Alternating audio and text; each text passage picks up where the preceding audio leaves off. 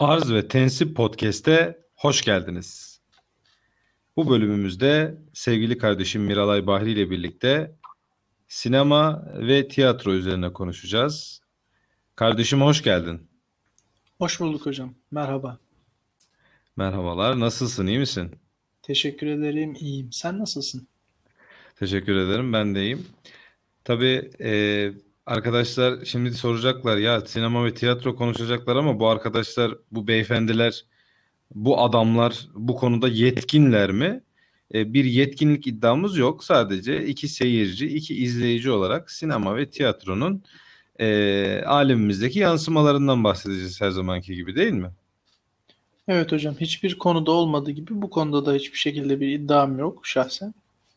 Biliyorsun ben iddialı bir insan değilimdir hayatta.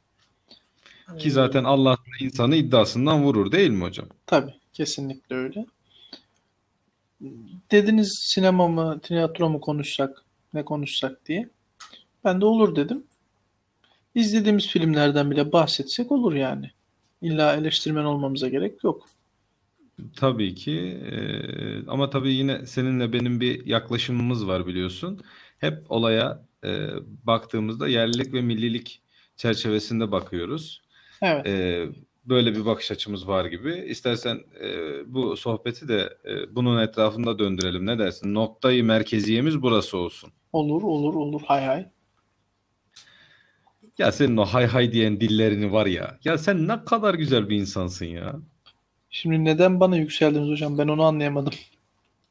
Ya bu akşam arkadaşlar aslında söylemek gerekirse ben e, Bahri kardeşimin bir miktar kalbini, o naif, o beyefendi, o sanatkar, o estetik kalbini bir miktar incittim. Burada huzurlarınızda kendisinden özür diliyorum. E, Estağfurullah. kend- kendisinin bu e, nezaketli ve düşünceli yaklaşımına odunca bir hareketle e, mukabele ettim. Çoğu zaman olduğu gibi. Ya burada insanların huzurunda özür diliyorum. Hala daha beni zemmediyorsun be adam. Yo estağfurullah diyorum hocam. Ne diyeyim? Alıştık. Alıştık. Teşekkür ediyorum. Hocam e, şuradan başlamak istiyorum. Beni hayatımda e, yetişkin hayatımda diyeyim. Çocukken okulla beraber tiyatroya gitmiştik bir sefer. Ama yetişkin hayatımda beni tiyatroya götüren ve tiyatroya sevk eden ve bu konuda teşvik eden kişi sizsiniz. Doğrudur hocam. E, bu anlamda öncelikle teşekkür ediyorum. Bana, beni ilk götürdüğünüz oyun da e, zannediyorum neydi beraber gittiğimiz o ilk oyun? Onu ben Necip Fazıl'ın değil mi hocam? Reis Bey miydi? Evet. Bir adam yaratmak mıydı?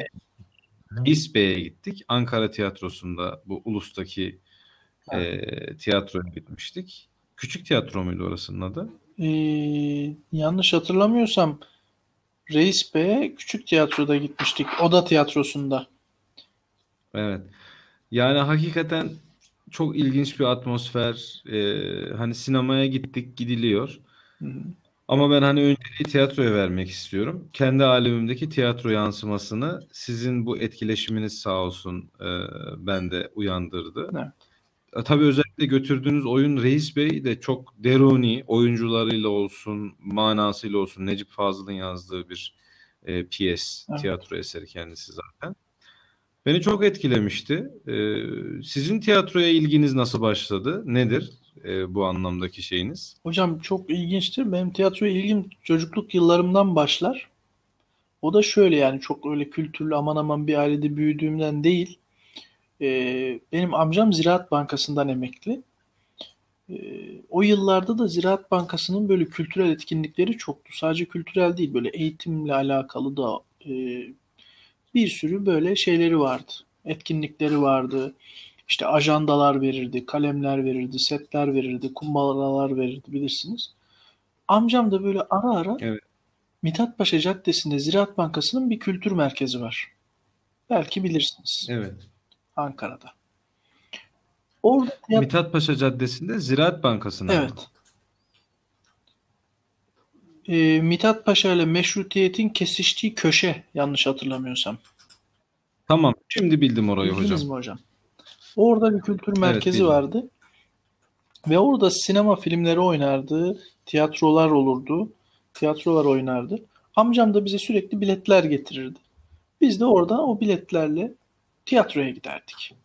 Yani dediğim gibi çok kültürlü bir ailede yetiştiğimizden değil de beleş tiyatro var gel gibisinden bir durum oluşurdu. O yıllarda işte küçük çaplı işte çocuk oyunlarıyla başladı falan. Sonrasında da o kadar çok fazla Evet. gitmişliğim yok. Yani say desen bir elin parmağını geçmez gittiğim yetişkin tiyatro oyunu. İşte Necip Fazıl'ın Reis Bey oynadı. Ona gittik sizinle. Ama Bir Adam Yaratmak adlı Evet. eserine çok defa gitmişliğim vardır. Çünkü Hatta Yenge Hanım bu konuda biraz baygınlık geçirdiğini belirtmişti bize. Sizin bu bir adam yaratmakla ilgili çok gitmeniz. Herhalde onunla bir iki üç sefer gitmişsiniz galiba. doğrudur. Ama şöyle bir şey hocam. Mükemmel bir eser. Oynayan da Mehmet Tahir İkiler'di. Hem yönetmeni hem başrolü. Hüsrev karakterini canlandıran. Hı hı. Rolü adeta Hı hı. yaşayan bir sanatçı kendisi. O da Büyükşehir Belediyesi tiyatrosunda. Ee, Hı hı. beni çok etkileyen bir e, eser ve beni çok etkileyen bir oyuncuydu kendisi. Hı hı. Bir adam yaratmaya çalışırken, bir insan yaratmaya çalışırken kendi hiçliğinin farkına varan bir insan, kendi buhranının e, içine düşmüş, kurtulmaya çalışan bir insanı anlatıyor. Siz de biliyorsunuz, beraber de izledik. Ben elimden geldiğince etrafımdaki insanları bu oyuna sahnelendikçe götürmek istiyorum. Dinleyicilere de tavsiyemdir. Mutlaka ve mutlaka e, gitsinler bulamıyorlarsa bile eser olarak alıp okusunlar. Hatta Türk sinemasında Ahmet Mekin'in başrolünde oynadığı film olarak da çekilmiş vaziyette vardır siyah beyaz. Onu söyleyecektim. Siz benden e, evvel davrandınız. E, tabii Türk sinemasında yani tiyatro temaşa sanatı gibi diyelim. E, hani Türkiye'deki tiyatronun belki e, köken olarak işte direkler arasından başlamıştır. İşte temaşadır, Arap bacılardır, işte Hacivat Karagöz'dür filan. Tabii biz tabii bu anlamda çok folklorik anlamda şeyini bilemiyoruz ama güncel anlamda günümüze geldiğinde e, Türk tiyatrosunun çok büyük ustalar yetiştirdiğini, çok büyük oyuncular yetiştirdiğini görüyoruz. Benim ilk etapta hemen aklıma gelen Haldun Dorman olsun. Ee, çok popüler e, isimlerden mesela King Lear'ı oynar Haluk Bilginer. Ee, ben izlemedim ama hani izleyenlerin çok büyük bir oyunculuk Evet. dediği işte Macbeth'te olsun. Ee, keza dönüp bu tarafa geldiğinizde Erdal Beşikçioğlu işte bir Hatıra delinin defteri. defteri idi. Hatıra defteri olsun. Ee, hemen bunlar hani ilk etapta aklımıza gelen. Zaten Ankara Tiyatrosu bu Ferhunde Hanımlar ekibi vardı. Diziyi izleyenler hatırlar. Onlar komple Ankara tiyatrosudur zaten. Baykal Saran Ee, rahmetli. yani ba- evet, evet. Allah rahmet eylesin. Evet, Hüsreva Kurtlar rolünde o oynamıştı değil mi hocam? rolündeydi. Zat-ı alileri. Evet. Ee, tabii bu anlamda dönüp bu tarafa baktığınız zaman Ali Poyrazoğlu olsun, ee, bu şey vardı, Hayat Bilgisi'nde müdür oynayan adam vardı ya, neydi onun adı? Bildim ama ismini çıkaramadım şu an. Hmm, bildi. O olsun, Tarık Pabuççuoğlu muydu? Evet, Evet. Tarık Pabuççuoğlu e, olsun. Ya hakikaten Türk tiyatrosu çok isimler yetiştirmiş. Tabii biz bunların hepsini izleme şansımız yok. Ferhan Şensoy'un ekolü zaten ayrı bir ekol. Ama burada şunu belirtmek istiyorum. Tiyatro ve sinema Türkiye'de hani hep e, sol görüşle ilişkilendirilmiş. Sol görüşe sahip insanların iyi yaptığı eserler gibi görünüyor. Bu anlamda herhalde e, bunu yenecek bir eser Necip Fazıl'ın e, şeyleri söylenebilir, eserleri söylenebilir ama var mı başka sizin aklınıza? Veyahut da benim bu görüşüme ne dersiniz? Hani sağ cenah diyebileceğimiz milliyetçi muhafazakar cephe bu anlamda biraz Yani geride mi burada kaldı iki sanki? tarafında e, payı var. Şöyle payı var. E, hani sol diye bahsettiğimiz kesimin bu mevzulara daha düşkün olması, bu mevzularla daha alakadar olması, bu meşaleyi onların elinde tuttuğunu gösterdiği zamanlar olmuş tabii ki. Tam tersi de işte sağ cenahın da bu konuda biraz daha az istekli olması ya da bu konuyla alakadar olmaması bu durumu ortaya çıkarmış vaziyette. Ama dediğiniz gibi Necip Fazıl'ın oyunları bunlara örnektir yani. E, Muhsin Ertuğrul mesela e, Bir Adam Yaratmak eseri ilk yazıldığında Muhsin Ertuğrul oynamış sahnede bunu. E, tabii Necip Fazıl ilginç. anılarında anlatır. Ben işte arkada izlerken Muhsin Ertuğrul sahnede oynarken ben arkada kuliste takip ediyorum. Bazı yerlerde işte tam istediğim gibi olmuyor, benim kurguladığım gibi olmadığını gördüğünde ara verdiğinde biraz tenkit etmek istedim der Necip Fazıl. E, Muhsin Ertuğrul da Necip Fazıl'ın eline alır alnına koyar. Kendi alnına. Bak der 39 derece ateşle oynuyorum ben bu oyunu. Sen neyden bahsediyorsun diye. Yani öylesine rolün içerisine girmiş vaziyette e, oynadığından bahseder Muhsin Ertuğrul. O yıllarda oyun hem sağ kesim tarafından hem sol kesim tarafından çokça beğenilir.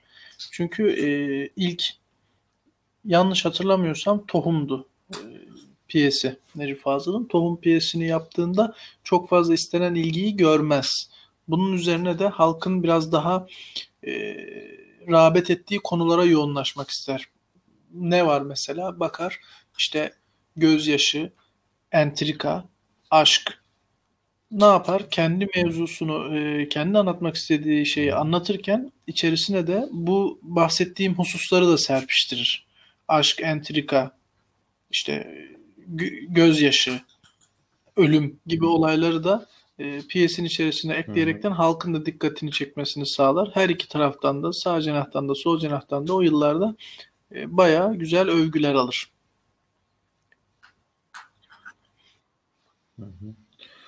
E, tabii Muhsin Ertuğrul dediniz. Muhsin Ertuğrul'u tanımayanlar için de şöyle ufak bir söylemek lazım. Kendisi Türk tiyatrosunun ruhunu e, ve omurgasını oluşturan isimlerden Tabii. bir tanesi. 1892 doğumlu Osmanlı'nın yetiştirdiği son jenerasyon 1909 internetten baktığımız zaman 1909 yılından itibaren e, ölümüne kadar 87 yaşında vefat etmiş. Ölümüne kadar e, son derece verimli diyebileceğimiz hem yönetmen hem oyuncu hem yapımcı olarak birçok e, eser vermiş Türk tiyatrosuna. E, tabii ben burada lafı oraya getirdim. Siz de çok güzel izahat verdiniz. E, bir ekleme daha yapmak istiyorum ben ona.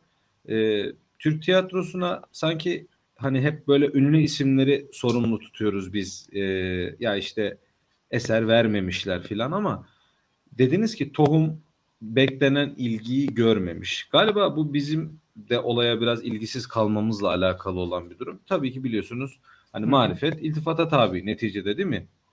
Şimdi adam ortaya bir eser koyuyor. Kimin izlemesini istiyor? Yani İstanbul Yüksek Sosyetesi de izlesin bunu. Okey. Ama yani hani halk da bunu izleyebilsin. Fakat tabii imkanlar ve tabii ki halkın talebi e, yeterli gelmiyor. Bu anlamda mesela kendi hayatımdan örnek vereyim. Ben e, orta gelirli bir ailenin sizin gibi orta alt gelirli bir ailenin evladıyım. Şunu düşünüyorum. Ortaokulda veya lisede ben babama tiyatroya gideceğim deseydim babam bana derdi ki ne yapacaksın tiyatroda? Yani hani maksat ne tiyatroya gitmekteki? Anlatabildim mi? Hani babam kültürsüz bir insan olarak gördüğü için değil. Mesela kitap alacağım baba desem verir. Ee, ama tiyatro deyince sanki böyle bir yani kendi ailem veçesinden bakıyorum ona. Sanki böyle bir yani ne gerek var tiyatroya? Hani olmasa ne eksikliğini görürsünüz gibi. Halbuki mesela benim babam ve babamların jenerasyon, keza senin babanın jenerasyonu da tabiri caizse o 70'ler, o 80'ler, o sinemanın, tiyatronun Türkiye'de böyle uç uç gittiği yıllarda, çok rağbet gördüğü yıllarda western filmlerinden tut da Türk filmlerine kadar sinemalardan Doğru. çıkmayan bir jenerasyon yani bunlar. Hocam işte e, sinemaya nazaran tiyatro biraz daha durağan, e, durumu anlatan, e, tek bir sahne üzerinden kurgulanan hani iki perde üç perde oyunlarda tabii sahne değişiyor ama işte sinemadaki gibi işte oradaki insan buradaki insan oradaki gün buradaki gün gibi bir durum söz konusu değil. E, atıyorum bir buçuk iki saatlik e, oyun süresinde e, tek bir sahnede bile tek bir mekanda diyeyim daha doğrusu geçen e, oyunlar mevcut. Ve genelde de tiyatro e, hani tiyatral dediğimiz o hava içerisinde sergilendiği için uzun e, işte giriş bölümlerinin olduğu, anlatış bölümlerinin olduğu, yer yer yükselen, yer yer azalan, işte müziklerle desteklenen bir ortam olduğu için de e, sinemadaki kadar belki de görselliği katamaması biraz daha insanların daha az ilgi duymasına sebep olmuş olabilir. Sanırım anlatabildim demek istediğim şeyi. Anladım, anladım. Ben anladım. E, Dinleyenlerimiz de anlamıştır herhalde. Ee, ya ama şu da, şu da var. Onu da ben kendi alemimdeki yansımasını söyleyeyim yine. Tiyatro benim hayal gücümü ve hayret e, e, duygumu çok daha fazla tetikledi. Öyle söyleyeyim sana. E, çünkü Evet. duygunun doğrudan bir aktarımını yaşadım orada.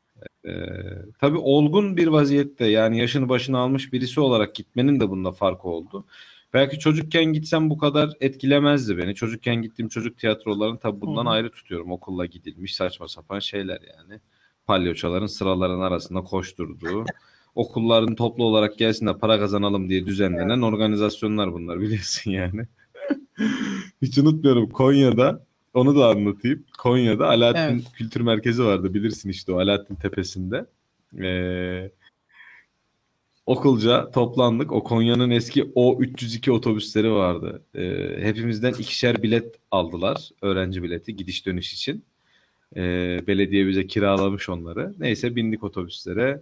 Böyle gidiyoruz. Şeye işte o Alaaddin Kültür Merkezi'ne çocuk tiyatrosuna gidiyoruz ki Konya'da tiyatro da şeyin oradadır. Zafer Anıtı'nın oradadır aslında. Atatürk heykelinin oradadır asıl tiyatro. Neyse bizi işte o kıytırık tiyatroya götürdüler. Tam olarak dediğim gibi mor ışıklar, kırmızı ışıklar, çiğ çiğ, boğuk boğuk bir ortam. Tamam mı? Orada gözyaşı geceleri de düzenlenirdi. Belki onu bilen arkadaşlar olacaktır. Bilirim. Sen de bilirsin Bilirim hocam. onu. O şeyi, gözyaşı gecelerini biliyor musun sen?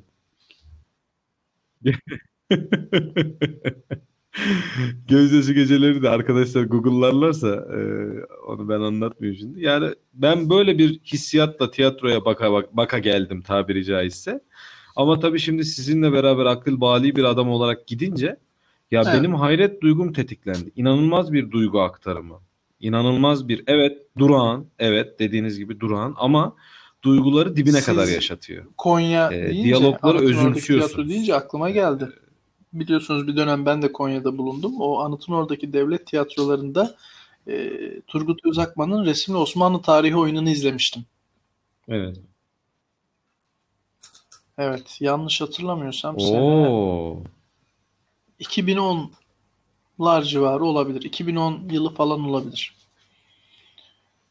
Oyun güzel bir oyundu. İşte birinci meşrutiyetten başlıyor. ikinci meşrutiyette. Oradan 27 Mayıs'a 1960'lara. Oradan 1980 dönemlerinde e, yaşanan olayları böyle tarihsel bir süreçte yarı işte komedi diyeyim, yarı ciddi, yarı ironi tarzında bir ailenin gözünden, yaşayan bir ailenin gözünden e, bir anlatımı vardır. Turgut Özakman da zaten dinleyiciler biliyordur. Şu çılgın Türklerden.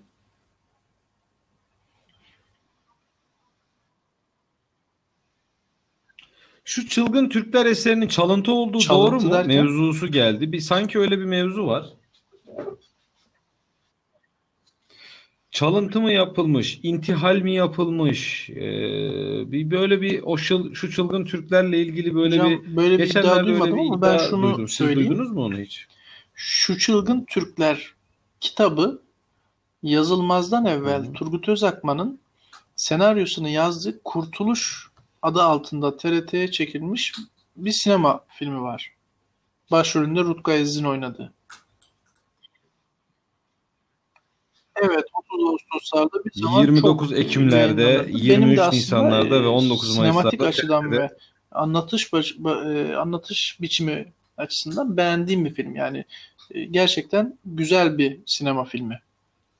Tabii içerisinde e, eleştirdiğim noktalar da olsa olsa da e, o başarılı bulduğum bir sinema filmi. O filmin senaristi Turgut Özakman. Çok özür diliyorum. Lafınızı kesiyorum. Siz sordunuz. madem oradan Ve Evet. ben o filmi yok buyurun. daha evvelden izlediğim için e, biliyorum.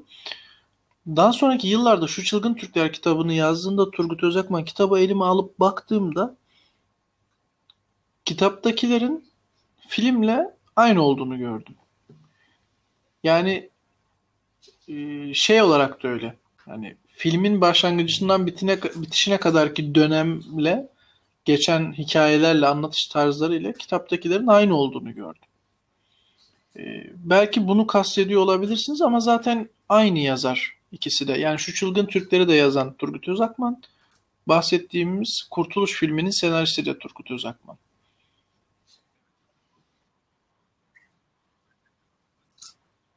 Evet, galiba böyle bir husus Bunu vardı. fark eden Ee, zannediyorum vardır bunu ben muhtemelen. e, şey yaptım. Birbirine imtizac ettirdim. Madem evet, madem lafı buraya getirdiniz, e, Türk sinemasına dair e, genel görüşleriniz neler?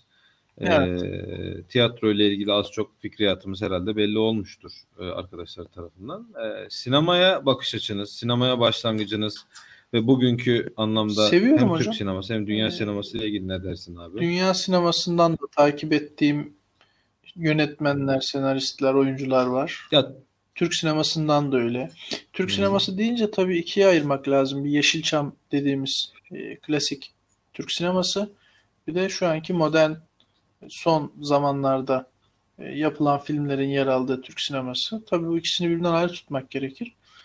Ama yani şöyle totale baktığımda şu anki Türk sineması içerisinden beğendiğim filmlerle Yeşilçam'ı kıyasladığımda Yeşilçam'da beğendiğim filmler daha fazladır.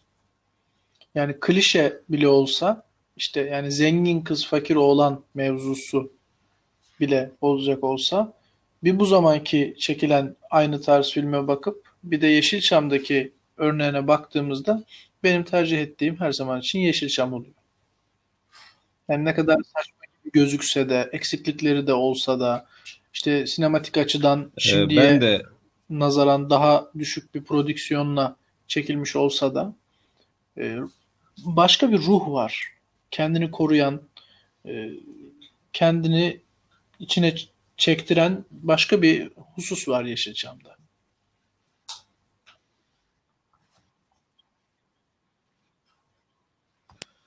Ben de aynı şekilde düşünüyorum sizin gibi. Gerçekten Türk sineması iki parçaya ayrılsa e, klasik Türk sinemasını Yeşilçam'ı dediğiniz gibi bir tarafa koysak ben de klasik Yeşilçam'ı daha çok seviyorum.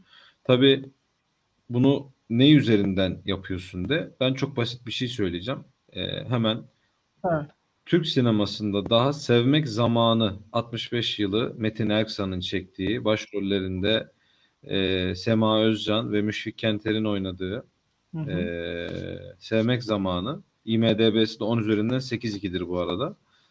E, ben daha buna benzer bir film modern Türk sinemasında çekilmediğini görüyorum. Çok büyük bütçeler var. Çok ünlü oyuncular oynuyor. Fakat yani sanki şöyle bir şey oldu abi. E, Türk sineması Yeşilçam'ı bitirdi. Berbat bir 80'ler 90'lar dönemi geçirdi. Ondan sonra 2000'lerin başına geldiğinde Çok kötü. Hababam sınıfı Çok kötü. remake'leri, Gerçekten çok kötü. e, Maskeli Beşler serisi. E, Ya, seveni vardır, sevmeyeni vardır. Ben de çok ta- şey yapmıyorum. Bayıla bayıla şey yaptım. Yani çerezlik. Hani anladın mı? Hiçbir şey düşünmeden Ankara Konya arası 3 filmleri saat ne izleyeceğim desen ama açar Maskeli Beşler Irak'ı izlersin yani. kötü Anladın mı? ya. Hani bomboş. Anladın mı? Ama mesela Kolpaçino öyle değil.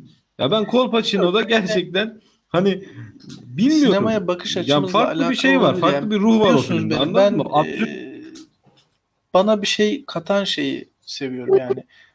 Bu sadece sinema için değil. Her şeyde bu böyle.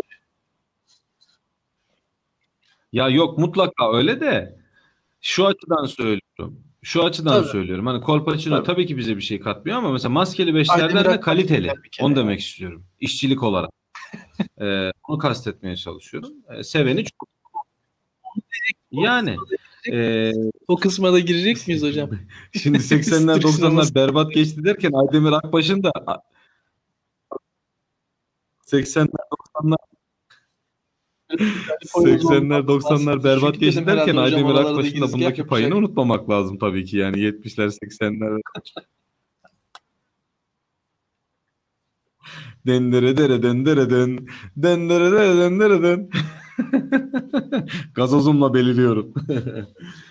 Ee, yani ondan sonra süreç geldi 2000'lerin başında. Hani hakikaten farklı yönetmenler farklı işler çıkarttılar. iyi işler çıktı. Hani e, sonradan benim geriye dönüp baktığımda e, işte yine Haluk Bilginer'in oynadığı bir film vardı. Adını ben onu hep karıştırıyorum. Merhamet diyeceğim de merhamet diyeyim. Arkadaşlar onu anladılar. Onun meşhur bir tiradı vardı. Haluk Bilginer meşhur tirat diye yazsalar çıkar.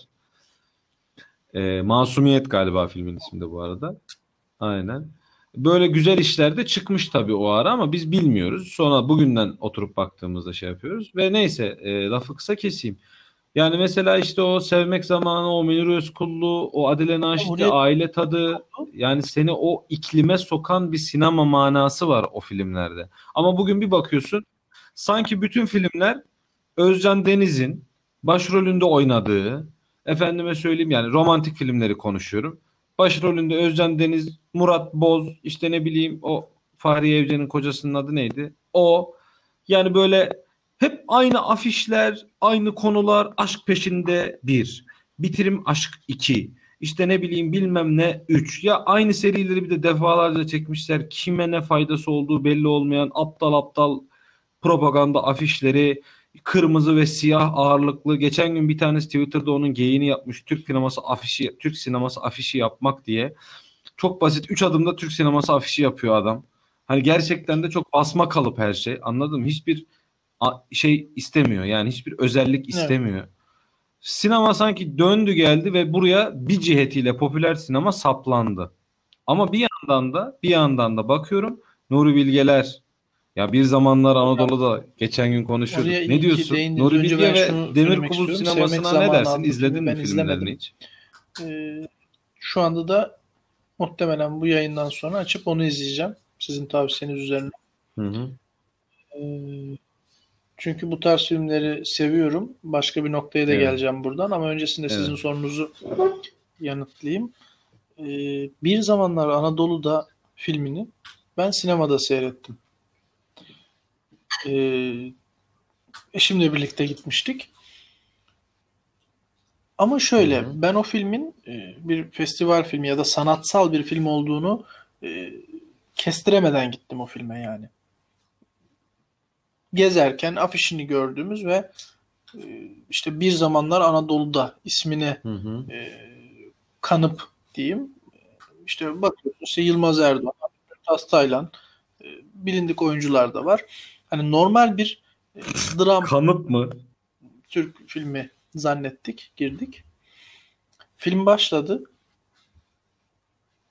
Bir adam yürüyor. Yürüyor. Yürümeye devam ediyor. Hala yürüyor. Ondan sonra bir ağaç sallanıyor uzakta. Ağacın yaprakları. Dedim ki filme müzik koymayı unutmuşlar kendi içimde. Ondan sonra ağaçtan elma düştü. Bir ceset arıyorlar. Elmayı seyrediyoruz. Elma gitti gitti gitti dereye düştü. Ben dedim ki ha dedim şimdi dedim cesede takılacak elma. Savcı da gidecek bulacak. Elma suda gitmeye devam etti.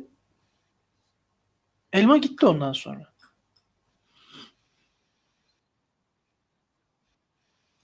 Tabii elma gitti. E dedim ben Tabii sen yine olayı Elma gitti. cesede takılacak diye tabii dedim, ki ne yine sevdim? Hollywood kafasıyla düşünüyorsun yani. Filmde çalan tek müzik Neşet Ertaş'ın Allı Turnam türküsü ki çok severim. Arabada çalarkenki sahne. Uzaktan bir işte polis otosu geliyor. Neşet Ertaş hafiften girince tabii orada ben efkarlandım. Yani şunu anlatmaya çalışıyorum. Farklı beklentiyle girip bunları gördüğümde o zamanlar e, çok da iyi yönde değerlendirememiştim filmi. Yani sıkılmıştım açık açık söyleyeyim. Sinemada sıkıldım ben o filmden. Ama daha sonra e, bir şans vermek istedim ve tekrardan hani e, ev ortamında filmi değerlendirdim. Gerçekten muazzam bir film.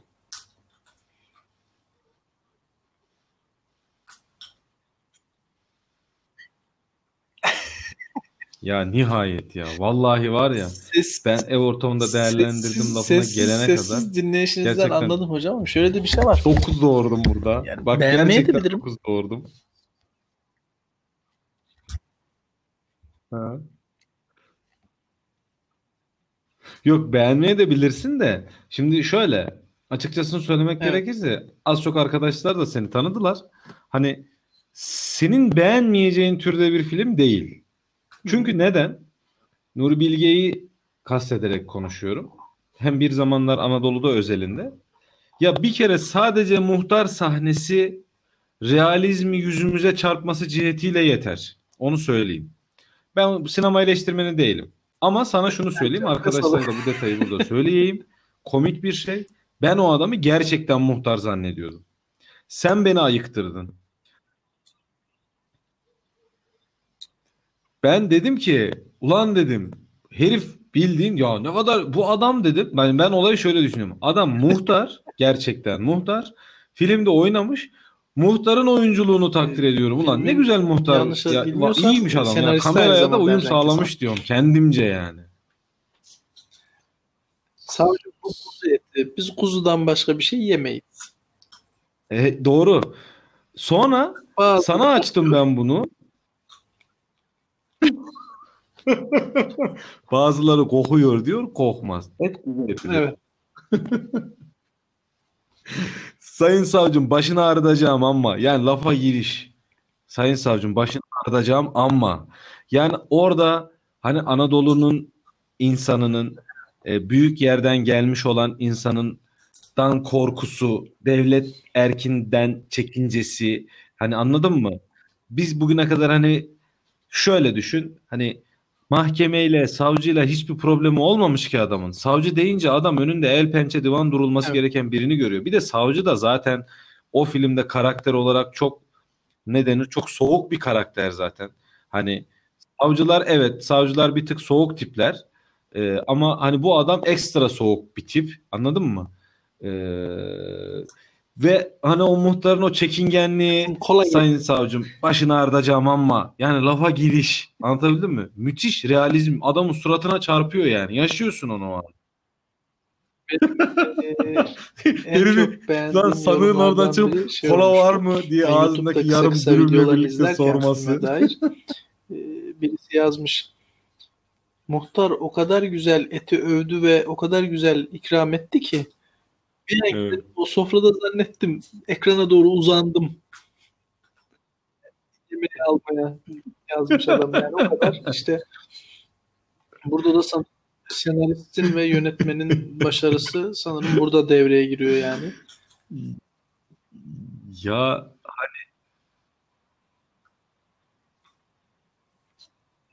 Keza, Mevsimleri keza izlediniz yine çok mi? yani film özeline indirdik ama diğer filmlerini de izledim ama bendeki yeri ayrı Ağacını olması izlemedim ben de. söylüyorum. Onu izleyeceğim. İzlemedim onu hocam. Şeyi izledim. Ahlat Ağacı'nı izledim.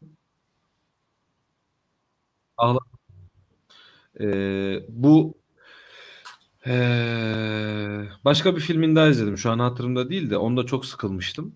Ee, Ahlat'ı beğendim. Doğu Demirkol'un oyunculuğunu da hani şey yaptım. Ama şuna geleceğim. Neyse özelden çıkalım. Yani filmin özeline çok girdik ama şunu diyeceğim. Muhtar sahnesine YouTube'da altyazı koymuşlar hocam. Altyazıyı da okudum. İngilizce altyazı. İşte mesela morgdan bahsediyor oraya. Body washing e, place gibi ifadeler kullanmışlar. Yani böyle çok dolaylı bir tercüme olmuş. Morg ifadesi, gasilhane ifadesi böyle çok net ifade edilememiş mesela gasilhane. Ben olsam mesela dead body washing place falan derdim yani anladın mı? Orada bir ritüel var. Geçen gün YouTube'da bir videoya denk geldim. İşte ahlat ağacından sonra Doğu Demirkol'u filan çekmişler. Kanda adam dakikalarca Nuri Bilge Ceylan dakikalarca ayakta alkışlanıyor. Belki 10 dakika böyle şak şak şak şak şak. Millet ayağa kalkmış. Alkış kesiliyor. Tekrar yükseliyor filan. Acayip fantastik bir ortam. Doğu Demirkol o, o artık ne halt giyeceğini bilemeyen ifade kamerada bir de ağzına girmiş. Bunların hepsinin tek tek. Ama Nuri Bilge gayet cool. Yani kaçıncı ödülüm? Beyler rahat olun hani anladın mı? Alkışa eyvallah filan tadında. Doğu ne yapacağını bilemiyor filan. Neyse şunu diyeceğim. Acaba dedim. Bu altyazıyı da buna koymuşlar. Keza ahlat ağacı da aynı şekilde.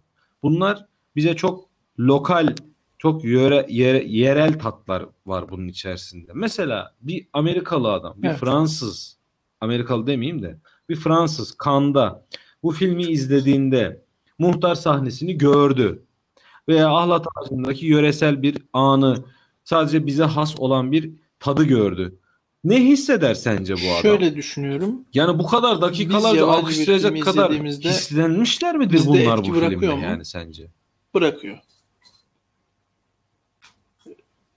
Yani bizim kadar olmasa da onlarda da bir etki bırakıyordur, bir hissiyat bırakıyordur. Benim aklıma şimdi sen bunu deyince hemen bir empati kurdum yabancı filmler üzerinden.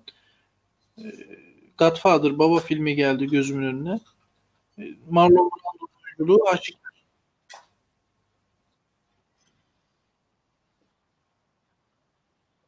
Ama çok mainstream şeyler Yani yok onlar. tiratlardan, Bak, sahnelerden senin söylediğin Godfather çok uzun mainstream. pasajlardan Yani zaten bahsediyorum hocam. uluslararası sinema için yapılmış bir Yani film yani.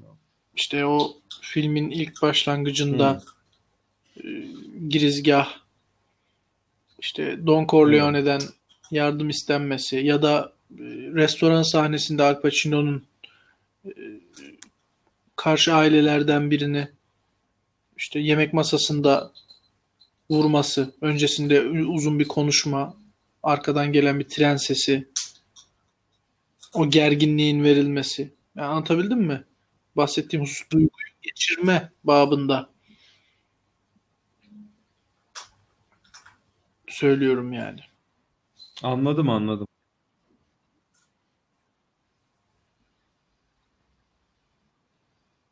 Peki anladım. Peki o zaman şöyle yani e, tamam empati kurmak dedin. Çok güzel bir noktaya değindin. Demek ki o zaman benim de senin de sinemadan anladığımız şey Tabii ki. Ya o filmin karakterlerle içerisinde yer almak lazım. empati kurup kendimizde bağ hissetmemizle alakalı değil mi? Öyle sen de mi öylesin? İzle. Abi çok güzel bir şey söyledin. O zaman sana bir soru soracağım. Ee, Ahlat'ı izlemedim dedin. O zaman şeyden sorayım. E, Bir zamanlar Anadolu'dan sorayım. Bir zamanlar Anadolu'da kendini hangi Şoförün yerine karakterin yerine hocam. koydun Evet. veyahut da kendini orada bağımsız bir karakter olarak mı tarladan görerek Çalıyor ya. izledin, hissettin diyeyim.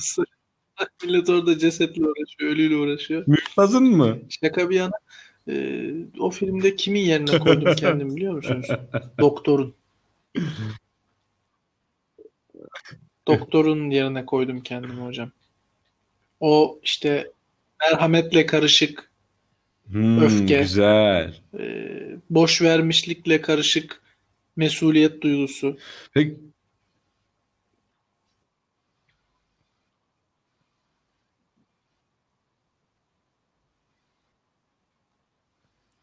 o boğazlı kazağın giyilmişliği, belki üç günlük o kazak, bekar yaşamanın getirdiği e, yalnızlık hissiyatı, saçlarında o adamın duş almamışlığı gördüm lan ben, İzledik öyle ama söyleyeyim sana. Yani o adamın bekar filme, hayatı filme yaşadığı o takılıp kadar belli şey diyorum duş almamışlık nasıl bir Nasıl tabirdir dedim bir daha söyle. Evet. Pis mi demek istiyorsunuz bana? Ya vardır o bilirsin mesela üç gün kışın Bilirsin derken biliyorsun mesela pis mi şimdi demek Kırıkkale'yi istiyorsun düşünelim. Ana...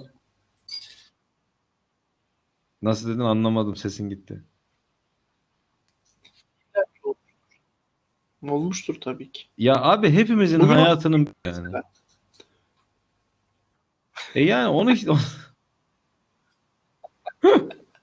bugün itibariyle benim tam üç gün mü oldu diyorsun. Film özeline girmeyelim dedik ama şahsi özelimizin Yani dibine kadar girdik hocam. Tırnaklarını en son ne zaman ben sana kestin? bir şey. Bakalım beni ne kadar tanıyorsun. Aslında tanıyorsun da. Neyse. Önce ben sana sorayım.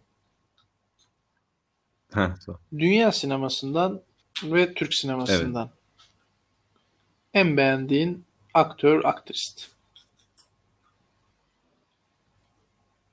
Evet hocam sizin. Benim mi? Ee, ya dünya sinemasından ben e, şeyi çok beğeniyorum. Godfather'da Marlon Brando. madem lafı açıldı. e, başrol. Naylon e, Brando. Marlon Brando, Naylon Brando'yu ben çok seviyorum hocam. Hakikaten. Aynen Naylon Branda. Ee, peak döneminde Robert De Niro çok hakikaten şeydir. Ee, Al Pacino'yu çok o kadar sarmıyor beni mesela. Sylvester Stallone'yi de şey yaptım ama hani böyle bir genel sıralamanın içerisinde mesela Apocalypse Now vardır. Marlon Brando'nun oynadığı. Vietnam'ı anlatır. Yine Ford Coppola'nın, Francis Ford Coppola'nın bir filmidir. Marlon Brando'nun Marlon Brando olduğu filmdir mesela. Bütün eleştirmenler tarafından o dedilen filmdir. Tabii de Marlon Brando'nun şahsiyetini de ben bildiğim için ben Marlon Brando demek istiyorum dünya sineması kapsamında. Farklı isimler mutlaka var ama bir numara belki bu. Ee, iki, Türkiye sineması açısından baktığımız zaman ben Cüneyt Arkın demek istiyorum hocam. Çünkü gerçekten Cüneyt Arkın'ın hani hem aksiyonerliği olsun hem tarih yönüyle e, sinemaya kattığı Hangi- değerler olsun ve benim çocukluk kahramanımdır kendisi. E, ben en çok e, Cüneyt Arkın evet ben en çok Cüneyt Arkın demek istiyorum. Komiktir, e, trajikomiktir, imkansızlıklar içerisinde bir şeyler Evet. yapmaya çalışmıştır ama bambaşkadır. Sonrasında da işte Kemal Sunallar, Münir Özkullar, Şener Şenler gelir, gelir, gelir. Hatta Şener Şen'in son dönem oyunculuklarını çok daha seviyorum.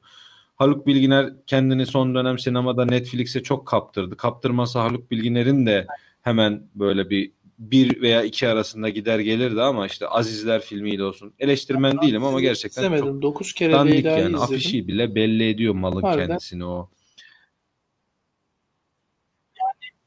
Dokuz kere Leyla'yı kastediyorum zaten. Demet Akbağ'la çekilen o film. Yani kime Ezel hitap ettiği bile belli değil. filmi. Kimi yakalamaya Hacivat çalışmışlar ve belli Karagöz değil. neden öldürüldüğünde şeydir yine aynı senaristidir kendisi. Yani o filmler o kadar çok hoşumuza gitmişken yani bu filmde oturmayan bir şeyler var dediğin gibi hocam.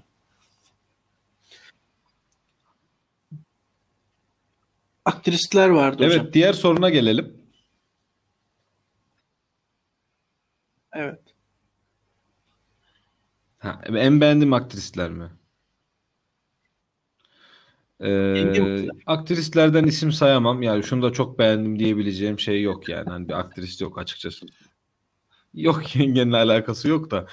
Ee, aktris ya aklıma gelebilecek bir oyunculuk aktrist anlamında yok. Ee, yani ilk aklına gelen ismi söyle desen Marilyn Monroe söylerim. Ama sevdiğim ve beğendiğim bir oyuncu da değil. Onu da söyleyeyim. Hani öyle ilk aklıma gelen isim olduğu için. Hani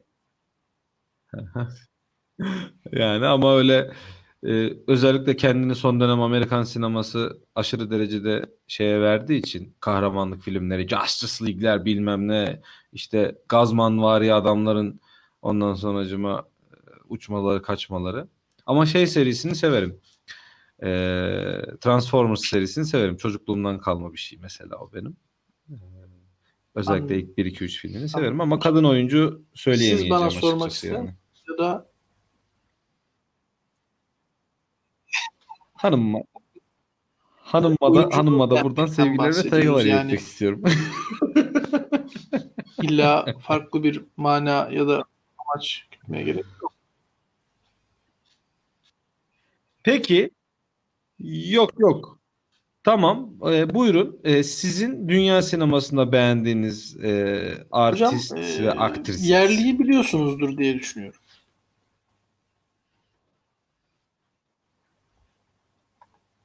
O kim hocam? Affınıza mahcuben. Sabri Tuncer.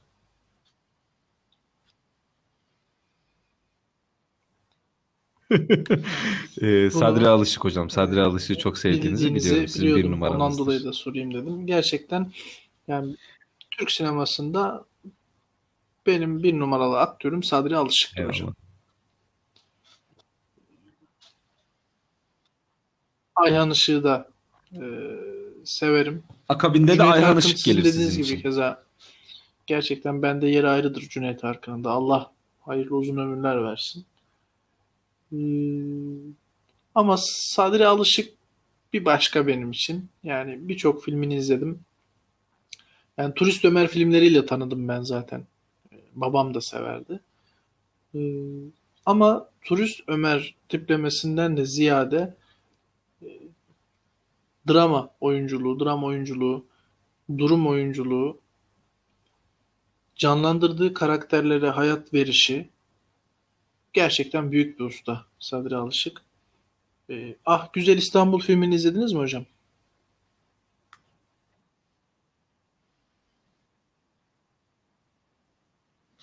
Ee, izlemedim. Külliyatına ben sizin kadar hakim değilim. Ee, ama e, biraz baktım galiba ona YouTube'da. Sa- bir böyle bir yapımı yanlış sizin bir ısrarınız oldu o konuda. Ya bir bak abi güzel Çok bir güzel bir filmdir ve o yılların İstanbul'unu da çok güzel nakşetmişler filme. Ee, YouTube'da kaliteli bir biçimde var. Tavsiye ederim.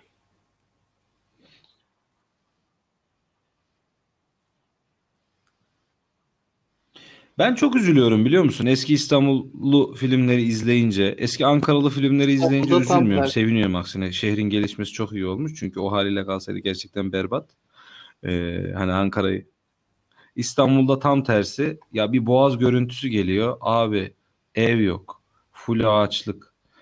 Yani yemin ediyorum ciğerim dağlanıyor desem abartmış olmam yani. Ve ben kopuyorum zaten. Ya film ne anlatmış, ne anlatıyormuş. Yani mesela Sevmek Zamanı'nı bile ben 2-3 sefer izledim. Bu 3 seferin ikisi manzaraları izlemekle geçmiştir benim. Öyle söyleyeyim sana. Mesela bir tepeye çıkıyorlar. Diyorum ki diyorum ki mesela acaba bu tepe şu anda ne halde diyorum. Kim var acaba şu an bu tepede diyorum. O zaman boşluğu gösteren bir yer mesela. Acaba şu an ne halde diyorum mesela. Anladın mı? Acaba hangi Maalesef Rizeli böyle bir müteahhit oraya var. geldi de şu an bina dikti acaba diyorum yani. Yerli'de Sadri Alışık dedim. Yabancıda da aslında aynıymış hemen hemen. Robert De Niro'ya e, ben de bir hayranlık besliyorum oyunculuğuna. Gençliği olsun, şimdiki zaman olsun. Şeyi beğendiniz mi bilmiyorum ama Irishman'i Irishman'de de güzel bir sergilemiş. Öyle mi? Çok sevmedim. Ben çok sevmedim. Son Yani- bir şey çıkaralım olmuş değil mi? Ya takımı toplayalım da bir şey çıkartalım gibi bir iş olmuş. Kabak tadı. Aynen. Senden son bir şarkı istiyorum dayı gibi bir şey olmuş Doğrudur. yani. Ee, Ama yani Ee, benim hoşuma O gitmişti. bağlamda sevmedim yani. Gençlik filmlerini de severim. Robert De Niro diyebilirim yabancılarda.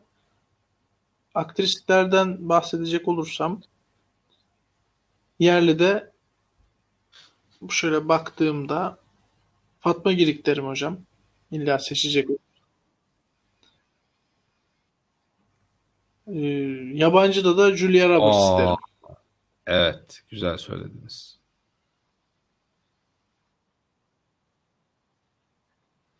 Onu da güzel söylediniz. Bak o benim hiç aklıma gelmemişti. Mesela George Clooney, hemen Julia Roberts deyince akla gelen ikinci isim George Clooney'dir mesela. Ben George Clooney'i de tutarım mesela.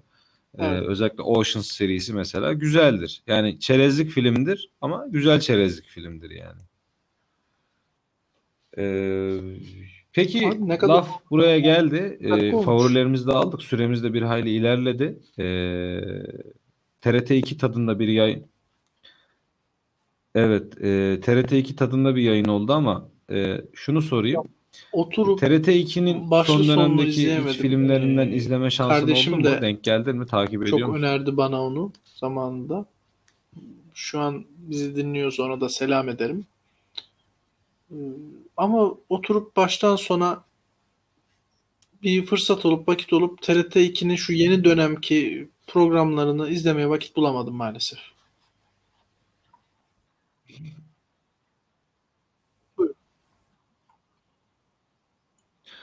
Ee, ben hemen şöyle bir girizgah yapayım. Ee, siz de buna ekleme yapabilirsiniz. Kapatmayacağım çünkü burayı. Türkiye'de sinema olsun, tiyatro olsun, hani hep devlet eliyle ilerlemesi gereken şeyler gibi e, ola gelmiş. Türkiye Radyo Televizyon Kurumu, TRT kurulmuş. Ee, Muzaffer Sarı Sözen olmasaymış bugün Türkiye'de belki türkü diye bir şeyin varlığından bu şekilde metot biçimde haberdar bile olmayacaktık. Ee, Muhsin Ertuğrul dedik keza aynı şekilde. Metin Erksanlar dedik. Bunlar hani TRT tarafından desteklenmiş e, isimler bunlar. Daha saysak onlarca isim sayarız. Hani Türkiye'de kültür sanat hep devlet destekli gibi ilerlemiş maalesef. E, fakat TRT 2 hani bu devlet destekli ilerlemenin çok da güncelini yakalayabilmiş değildi. 90'lar Ama 2000'lerin başına kadar hakikaten dünyanın en iç bayıcı içerikleriyle insanları e, şey yapıyorlardı. 80'lerde 80'lerin sonu 90'ların başı böyle İsmet Özeller'in, Mazhar Alanson'ların falan program yaptığı bir dönem olmuş galiba. Böyle galiba diyorum çok da emin değilim. Ama sonradan tabii böyle artık kabak tadı vermiş. Yani Altın Portakal Film Festivali gibi olmuş biraz. Kimsenin izlemediği filmler geçti. Ee, eski Altın Portakal'ı kastediyorum. Tabii şu an bayağı bir güncelledi. Fakat şu an gerçekten yepyeni bir e, şeyle e, bakış açısıyla olayları ele almışlar. Belli ki çok güzel e, işlerin emanet edildiği isimler var. Anladığım kadarıyla bunlara da böyle çok bir sınır koyulmamış. Hani yapın, edin, yayın parasını çıkartırız gibi olmuş. Ben ta, ta- yaşlı ediyorum, destekliyorum. Belki diyorsunuz. 18-20 yaşında olsam çok umuruma takmayabilirdim ama hani bugünkü yaşımla baktığım zaman çok dolu dolu içerikler oldu.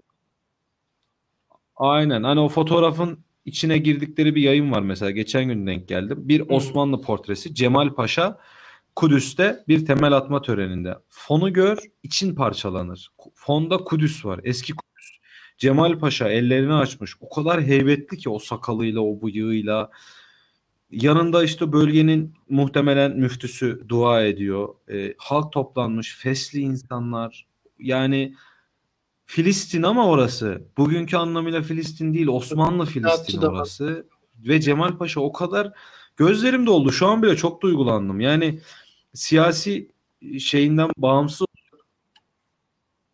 yani siyasi bağlantılarından farklı düşündüğümüzde bile bir Osmanlı Paşasının Filistin'de o kadar vakur duruşu TRT2 bunu yayınladı. Evet. O kadar hoşuma gitti ki anlatamam. Ve ben hani güzel başka birkaç programa daha ve sinema filmlerine de denk geldim.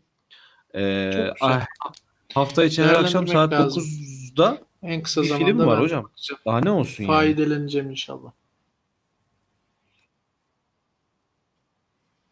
Ee, inşallah. Elzem Bu olduğunu de, de-. Yani sanatın devlet destekli olması hocam. Yani hususunda ne düşünüyorsunuz? devlet eliyle de yapılırsa daha profesyonel işler, daha sade, daha çıkarsız, daha amacına uygun, amacına yönelik şeylerin çıkacağını düşünüyorum. Yani maddi kaygılardan sıyrılmış bir vaziyette, e, popülerizme kurban edilmeden sanat için sanat dediğimiz husus göze alınarak yapılacak bir husus olacağı için benim için önemli olması gerekir diye düşünüyorum.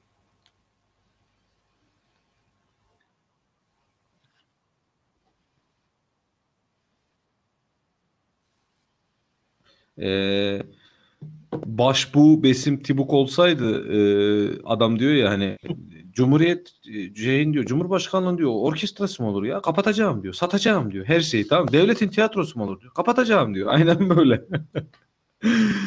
Ee, belki kısmen ben de böyle düşünüyorum. Hantal yapı çözümlense e, daha iyi olacağını düşünüyorum. İnşallah bu gece optimist bir tarafındayım. Geçenki Bugün mini podcast'te biraz e, Ee, radikal bir taraftaydım ayran ama dökülmesi ve tatsız olaylar yaşanması Evet. hususunda Farkı fark ettiniz mi?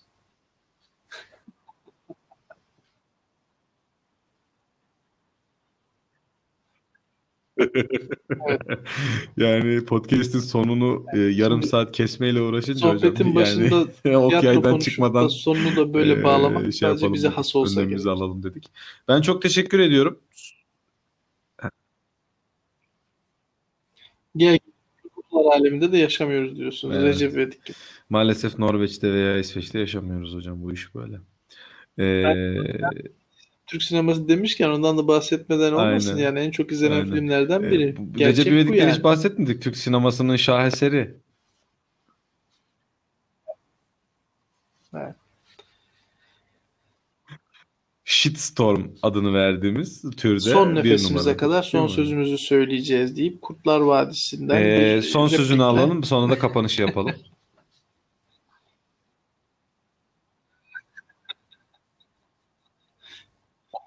diyeceğim Evet. e, bizi dinledikleri ile için buyurun. Eşhedü en la değerli ilahe dinleyenlere teşekkür ederiz.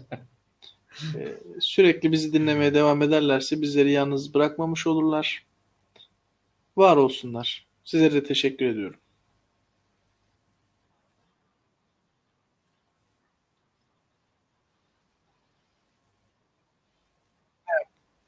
Ben teşekkür ediyorum.